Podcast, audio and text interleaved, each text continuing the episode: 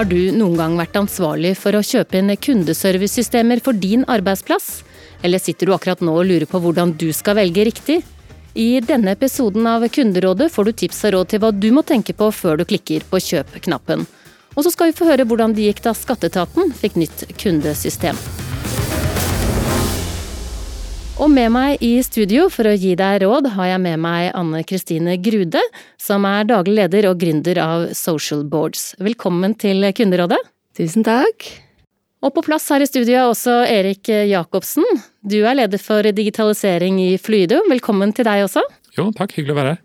Før vi skal få noen nyttige tips av dere om kjøp av kundeservicesystemer, vil vi gjerne høre litt om hvem dere er, og hva slags systemer dere faktisk jobber med i dag.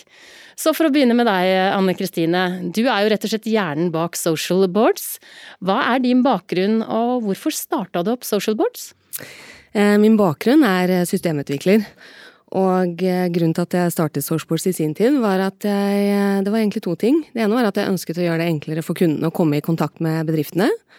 Og så ønsket jeg å gjøre det enklere for bedriftene å få kontroll på dialogen. Etter hvert som vi, markedet vokste og man så at kanalene forandret seg, og det ble flere av de, så ønsket jeg å hjelpe bedriftene med å få kontroll på kundedialogen i absolutt alle kanaler. Og Erik, eh, hva med deg? Hva slags utdannelse eh, gjorde at du begynte å jobbe med kundeservicesystemer? Du, Som så mange andre så kommer jeg fra en helt annen del eh, av, av, økonomien. Jeg kommer egentlig fra en bank og administrasjon, men som mange andre på den tiden, så var det jo IT som begynte å ta over det som var den tradisjonelle delen av drift. Så min inngang til dette er faktisk gjennom en tradisjonell måte, bank inn mot den digitale utviklingen. og da siden fortsatt eh, i det digitale. Og Du jobber altså i Fluidio. Hva slags systemer er det dere tilbyr kundene? Eh, vi er en stor systemleverandør eh, i en partner-ekosystem. Så vår jobb er å faktisk få dette til å fungere. Så vi leverer ikke lisenser eller systemer, men vi jobber tett på kunder til å faktisk skape gode kundeopplevelser. Og Det er jo derfor dere er her i dag, og det er for å gi råd til de som sitter og skal velge kundesystemer. Og for å begynne med prosessen før innkjøp av system. Hva er det som er viktig at kunden tenker på før de velger å kjøpe nytt kundeservicesystem, Anne Kristine? Eh, nei, det er jo først og fremst veldig lurt å gjøre noen interne avklaringer. Eh, altså rett og slett kjøre en intern workshop og finne ut av hvor er det det gjør vondt. Eh, og da kan man f.eks. stille seg selv spørsmål som er vi vanskelig å få tak i for forbrukeren? Eh, er det det at dialogen foregår i så mange kanaler at vi mister oversikt? Er det det at vi sitter i samme mailsystem og svarer på samme henvendelser? Eh, eller er det det at du sitter og svarer på samme type henvendelser om og om igjen? Eh, så det er flere sånne sjekkpunkter som, eh, som vi gjerne hjelper bedriften med å identifisere også, da. Gjøre de litt bevisst på hvor er det det gjør vondt hos de. De har ofte en viss formening, men det å stille noen konkrete spørsmål, det åpner gjerne slusene for ah, yes, det er her det gjør vondt. Og Erik, hva er det dere ser at kundene eh, sliter med når de skal velge hvilket system de skal gå for? Ja, jeg tror nøkkelordet her er system, eh, for det er enormt mange muligheter å se og, velge. Så det som var sagt tidligere, dette med innsikt i egen drift, eh, på en måte blir viktigere og viktigere. Eh, noen ganger så er det kritisk valg, og andre ganger så er det på, på forsøksstadiet. Eh, men det på en måte å ha gode mål, god innsikt, ha en forståelse av de byggestendene som på en måte skal på plass i bedriften for å kunne gjøre disse stegene, det er viktig. Og sammen med det så bygger man på en måte et veikart som på en måte kan gi en innsikt både i dag og fremover. Det er en av de, de viktige tingene. For dette skal vokse, enten bedriften vokser eller tjenestene eller kundene endrer seg, eh, så skal dette kunne være med på en endring videre. Vi skal jo høre om Skatteetaten senere, og de eh, har jo mange tusen brukere eller kunder, og noen er veldig små. Kan dere gi noen råd om hva man må tenke på hvis man er eh, en startup som har begynt å vokse, men kanskje ikke har så mye penger, men motsetning til store offentlige bedrifter med mange mange, mange brukere. Da. Ja, og Her tror jeg det også er mange muligheter for, eh, for veldig mange, både på, på, små og mellomstore. Eh, veldig mange av løsningene i dag eh, er skalerbare, og man kan starte i det små. Og samtidig ha muligheten til å på en måte strekke seg utover til, til større volumer senere. Dette igjen sagt med å ha god innsikt på egen drift, som på en måte kan hjelpe en å ta valgene, enten om det er store, store eller små løsninger man skal på en måte gå mot. Men det er den innsikten som, som lar en gjøre gode og på en måte kloke valg. Og du vil gjerne se at de som på en måte skalerer fort, de kan veldig ofte også på en måte ta med seg en hodebry på en måte gjennom den veksten senere. Så gode valg i bunnen er faktisk også veldig viktig. Og så har man da kanskje kommet dit at man har man har funnet ut at man skal velge en leverandør. Man har sett på tre forskjellige og veid for og mot. og hva slags krav skal man stille til leverandøren? Hva er det som er viktig å tenke på når man eh, signerer en avtale? Det er jo eh, for det første å ha gjort de små avklaringene i forkant. Eh, det er hvilke kanaler er det du ønsker å være i. At man har gjort den lille behovsanalysen. Og når du har valgt leverandør, så er det å kikke litt på faktisk noe så enkelt som at det gir god kundeservice og oppfølging og at de er til stede når du trenger det. At de selv faktisk har en god SLA. Um, så vet vi at det er viktig med forutsigbare kostnader. Det er et viktig tema for både liten og stor, egentlig. Uh, og så syns jo i hvert fall jeg personlig at uh, systemene i dag de bør uh, være SAS, altså vil si at de kjører i skyen, en nettleser. Og så er det jo ikke minst dette med at uh, sikkerheten må være ivaretatt. Og da tenker jeg egentlig både på personvern, uh, tanke på GDPR, uh, man sørger for at de som skal håndtere dataene dine er GDPR-compliant og leverer i henhold til det regelverket, da. Hvorfor er det viktig at det er i skyen? Det er enkelhet, og det vil si også at når Jeg tror for leverandører i dag, så må de flytte seg mye raskere, de også. Eh, det er ikke bare, bare, de som skal kjøpe systemene, men eh, forbrukeren endrer seg eh, veldig fort. Det gjør at systemene også må endre seg, sånn at de er tilpasset dagens forbruker. Og det å rulle ut store oppdateringer osv., hvis det er on premise, altså installerbare versjoner, så, så, er det en mye tyngre oppgave enn hvis du har det i skyen, da. Og så er det tilgjengelighet. Vil si at har du en nettleser, så kan du faktisk jobbe i systemet. Hva tenker du er det viktigste, Erik, når man skal stille krav i en sånn eh, kontraktsituasjon på man signerer en avtale med et firma? Eh, jeg tror det er, eh, det er, flere ting, men eh, en av de viktigste er på en måte ikke la seg avfeie av måte, overfladiske svar. Her er det alle muligheter til å bygge ut delløsninger, prototyper. Se på små trial-løsninger som man på en måte kan, man kan man jobbe med en, en, kort periode, eller med enkle bruksmønstre. Det er én ting som, som, er viktig, og så er det også dette andre som var nevnt tidligere. Her er det mange applikasjoner som skal sammen. Så her får man se på det hele økosystemet som er rundt de forskjellige applikasjonene, som måtte gi muligheter. Helt klart, Dette må absolutt være i skyen, det, det er ikke noe, noe, vei rundt det. For det blir flere og flere applikasjoner. Men de er også lettere å teste. De er lettere å på en måte se, uh, gjennomføre og, og, ta og føle på. Og, og, den muligheten bør man benytte seg av. Ja, og i tillegg eh, oppå det, så gjør det, også, gjør det også enklere å koble det på andre systemer. Sånn at de systemene du velger, de kan faktisk snakke sammen. Hva slags hjelp bør kunden som kjøper systemet forvente å få fra leverandør i en sånn onboarding-situasjon? Her er det også litt forskjell på størrelse eh, og eh, kompleksitet. Eh, men jeg tror det som er fellesnevner for veldig mange av løsningene i dag, er at disse nye systemene skaper også nye måter å jobbe på. De skaper nye måter å evaluere måte, system og applikasjoner på, men de skaper også nye måter å jobbe sammen med et økosystem, og da et partnerøkosystem f.eks. Så her er det andre nye arbeidsoppgaver som kommer inn. Eh, og idet man på en måte setter sammen nye arbeidsoppgaver og, og jobber mer fag- og uh, tverrfaglig, uh, så får man også en, en, en bedre tilnærming til måte, å ta hånd om, uh, ta vare på onboarde og på en måte gjennomføre arbeidsoppgaver måte, i bedriften. Så det blir et litt annet bilde. Eh, og det, den, den, den, gamle, eh, og vil jeg kanskje si eh, litt utdaterte, at man løfter en løsning inn, og så sitter det 100 vettskremte medarbeidere der, de dagene begynner å bli forbi. Og nå er man mer inn på mindre løsninger inn på kortere perioder. Lærer opp, trener, sitter og jobber sammen med på en måte kunden. Man har på en måte partnere på, på plass hele veien. Så dette er en mye sånn større større og mer interaktiv eh, på en måte, introduksjon til nye systemer i dag enn det vi kanskje hadde tidligere. Dere møter jo veldig mye forskjellige kunder. Eh, hva er det dere ser på som utfordrende i en sånn onboarding-situasjon? Bedriftene er jo veldig forskjellige. Eh, noen er veldig store, noen er veldig små. De har en forskjellig struktur internt. Så, så utfordringen er å se og forstå kunden. Eh, hjelpe de med å få satt opp en løsning som faktisk passer for de, men også utfordre litt på arbeidsmetodikk. At det som fungerte i fjor eller for ti år siden, det fungerer ikke nødvendigvis like godt i dag da, for å møte kravene til, eh, til kunden i dag.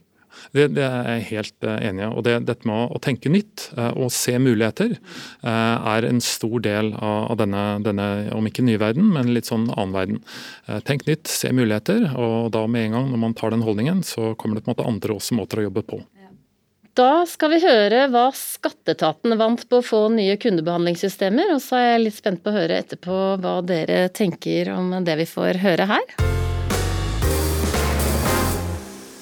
Det offentlige mottar enorme mengder henvendelser fra deg og meg, og det setter strenge krav til kundebehandlingssystemene. Da skatteetaten omstrukturerte, så fikk de nye systemer for å behandle henvendelser mer effektivt enn før, og det har vært gull verdt, sier tjenesteeier Torgeir Torgersen. Ja, det er vel en halvannen million henvendelser i kundeloggen omtrent. Eh, og eh, vi har jo et par hundre tusen eh, skriftlige henvendelser i, i året. Eh, så det er jo et ganske stort, omfattende system, eh, med tanke på at vi er 6000-7000 ansatte i skatteetaten. Hva vil du si er den største eh, endring, endringene uh, siden dere innførte dette kundeservicesystemet? Nå er det jo sånn at uh, hvis, uh, hvis, du som bruker henvender seg til skatteetaten før, før vi hadde et kundehåndteringssystem, så var det sånn at hvis du ikke kunne svare på spørsmålet, så måtte du jo sette henvendelsen videre til noen som hadde fagkompetanse. Og det var sikkert ikke at de var til stede, eller, så det ble brukt masse tid på å sette videre og finne en som kunne svare. Eh, eller at du måtte sende en mail og be vedkommende ta kontakt. Hvordan foregår den dialogen dere har med, med brukerne deres? Ja, Først og fremst så er det sånn at eh, vi vil jo helst ikke ha en dialog. Eh, vi vil jo, eller Den bør først og fremst være elektronisk. Men i utgangspunktet så er det jo sånn at vi ønsker at brukere skal klare seg sjøl. Eh, enten ved at den slipper å gjøre noen ting. At den eh, med, med, stille aksept kan si at ok, dette grunnlaget har jeg fått, og det stemmer. Så da trenger jeg ikke gjøre noen ting. Eh, neste nivå er jo på en måte at de eh, bruker våre elektroniske løsninger og får løst problemene sine der. Eh, og det å ha kundehåndteringssystemet som på en måte kan håndtere de manuelle henvendelsene oppi dette, her, er, det er gull verdt. Eh, det å på en måte få oversikt over hva er det folk eh, spør om nå, eh, det er jo med på å hjelpe oss å finne ut om våre elektroniske løsninger faktisk virker eller ikke. Hvis du fikk spørsmål om å trekke fram noen måte, element eller funksjoner i systemet deres som måte, hjelper dere aller mest, som du er mest fornøyd med. Hva vil du trukke fram da? Jeg vil, bare si at uh, Det å kunne analysere på, på, tallmaterialet i etterkant, det er jo det virkelige gullet i dette. her. En ting er på en måte at vi gjør det lettere for, for bruker å få, få, et svar, og veilederne på en måte kunne henvise videre. og og har styr på det. Men det å kunne analysere bruksmønster oppi dette her, og på en måte gjennomføre tiltak som gjør at vi kan drifte mye mer effektivt, det er det virkelig gullet ut av dette. her. Og det var kanskje ikke det vi hadde fremst i tankene når vi startet det opp, men helt klart, det er den virkelig store gevinsten ut av eh, dette systemet. Reporter her var Torgeir Gjendem Mortensen. Hva er det det er viktig å tenke på når du skal lære av de analysene og innsiktene som man kan få ut av ulike kundeservicesystemer?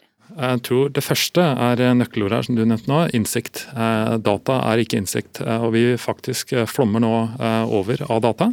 Og det å på en måte bygge inn dette som en del av en måte, arbeidet, det å skape innsikt som en del av den dataen, det er enormt viktig. Men det er også et nytt samarbeid som på en måte går på tvers og som er mye mer tverrfaglig enn det det var tidligere, på en måte for å kunne skape den innsikten. Og det vi også på en måte ser, er at den innsikten den må rett inn i en forbedringsplan. Dette er kontinuerlig måte, arbeid som en skjer hele tiden.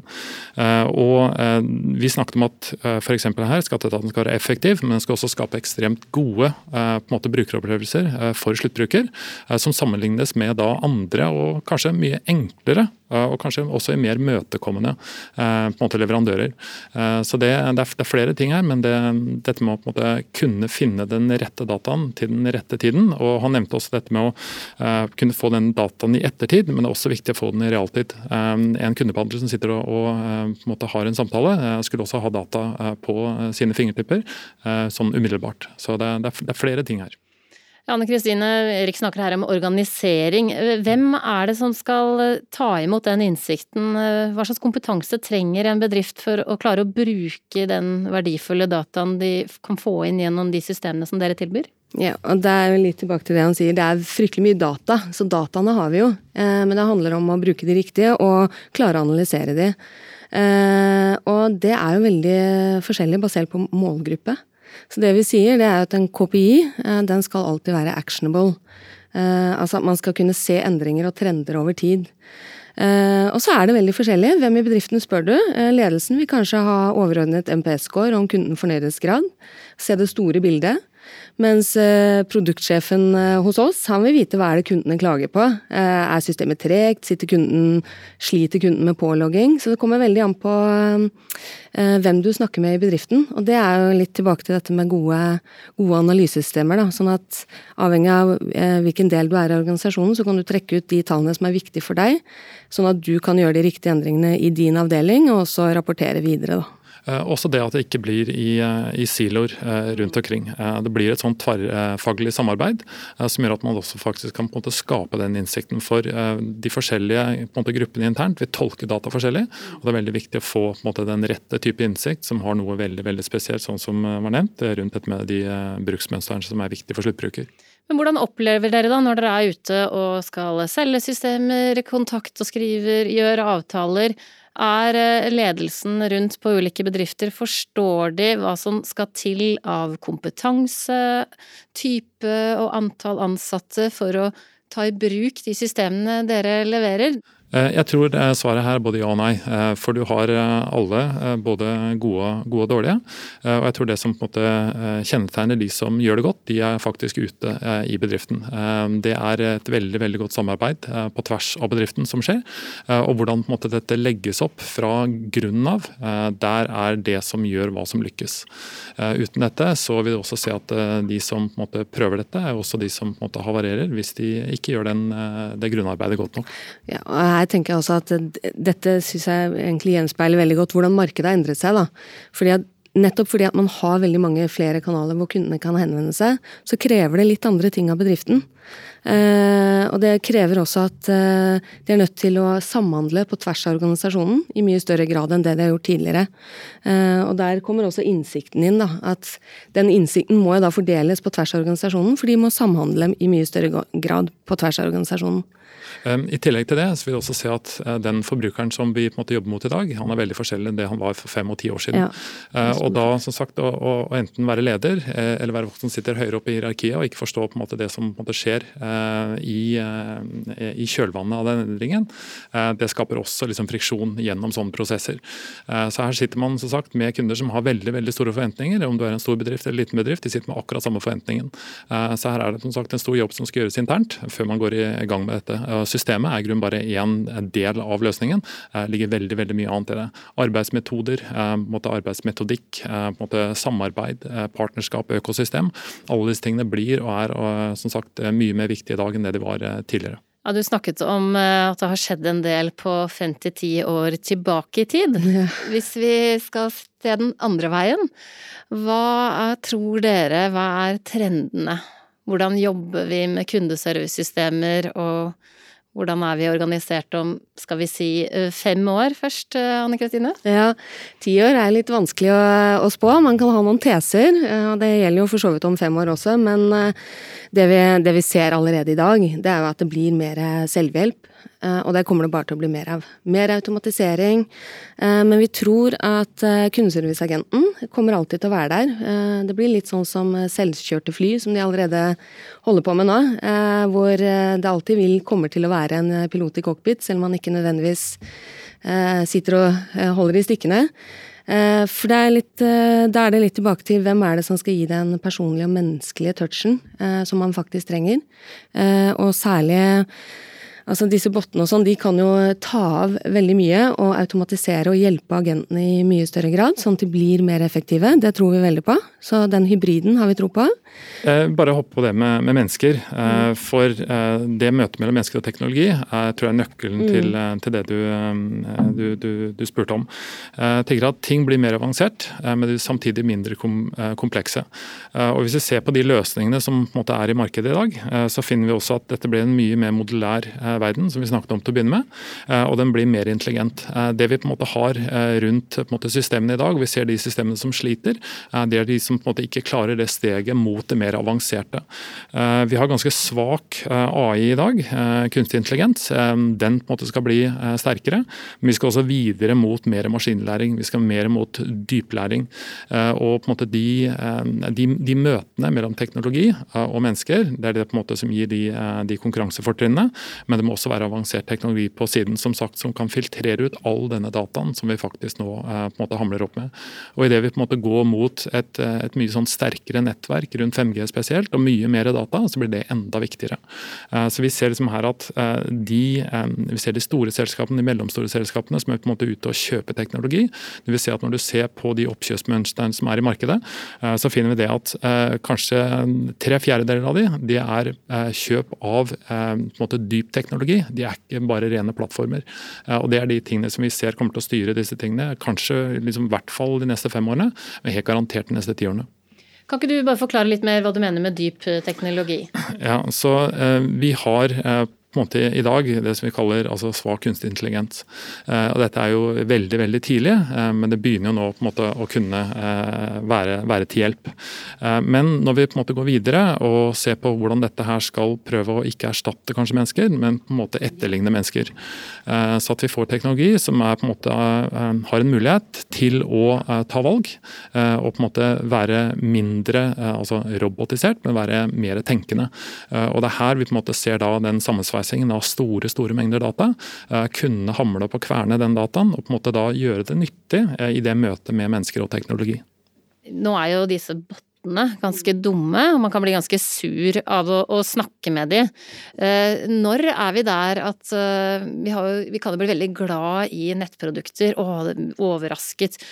Når er vi der at jeg kommer til å liksom bli glad for å snakke med en robot eller bot og tenke at oi, wow, ga meg akkurat det jeg trengte, til og med gjorde meg litt glad, hadde humor. Ja, jeg tror vi er et stykke unna der, sånn, og du vil også se at uh, veldig mye resultatene som kommer tilbake fra spesielt dette chatbot-resultatene, de er veldig dårlige. Uh, halvparten av firmaer som tar i bruk de, går ikke videre med de. Uh, så vi er noen år unna her, og der må vi som sagt det neste steget videre. Vi må ned på litt dypere maskinlæring for å på en måte få en bedre evne til å på en måte hamle opp med data og, skape litt intelligens faktisk rundt da, de der store mønstrene som vi på en måte ser i dag. Mer data skal samles, mer data skal kvernes. Først som sagt noen år, jeg tenker en tre-fire år, da er vi på et punkt hvor vi faktisk får veldig veldig god nytte av disse. Ja, Det er noe med å liksom eh, forstå hvor er det bot møter eh, menneske, egentlig. Og hvor er det mennesket faktisk eh, skal ta over. Og som du har sagt, at det er allerede mye de kan gjøre av automatiserte oppgaver, men det er noe med å forstå når er det mennesket faktisk bør ta over for å gi god kundeservice. da, Sånn at det ikke blir et irritasjonsmoment. Irritasjon er nøkkelordet her. for Jeg tror veldig det. mange som setter veldig store håp til dette. Og som sagt, de, den, den, vanlige måten å tilnærme seg dette på, er jo på en måte å lage et forenklet produkt til å begynne med. Mm. og Samtidig så på en måte nedbemanner man rundt disse teknologiene, og så som sagt blir det stor friksjon og mye frustrasjon. Ehm, så dette vil nok som sagt eh, ta litt eh, tid, men man skal også tenke på at det sitter sitter veldig eh, mange kunder eh, med veldig store forventninger til det du gjør. Eh, de lever gjerne i forenklede verden, en veldig sånn modulær verden. De, alt går i grunn på skinner, de får de svarene de skal ha, men så skal man bevege seg inn mot en bedrift som kanskje leverer mer kompliserte løsninger. Det kan være at du har både bredbånd, du har telefoni, du har strøm, du har mange ting. Og da på en måte blir det forholdet litt mer avansert. Men samtidig så sitter man med forventninger at dette her skal løses helt sømløst og helt smertefritt. Og det skjer ikke alltid, og der ligger den store utfordringen. Ja, så Det handler egentlig om å tenke litt gjennom hvordan man bruker den teknologien man har til rådighet i dag.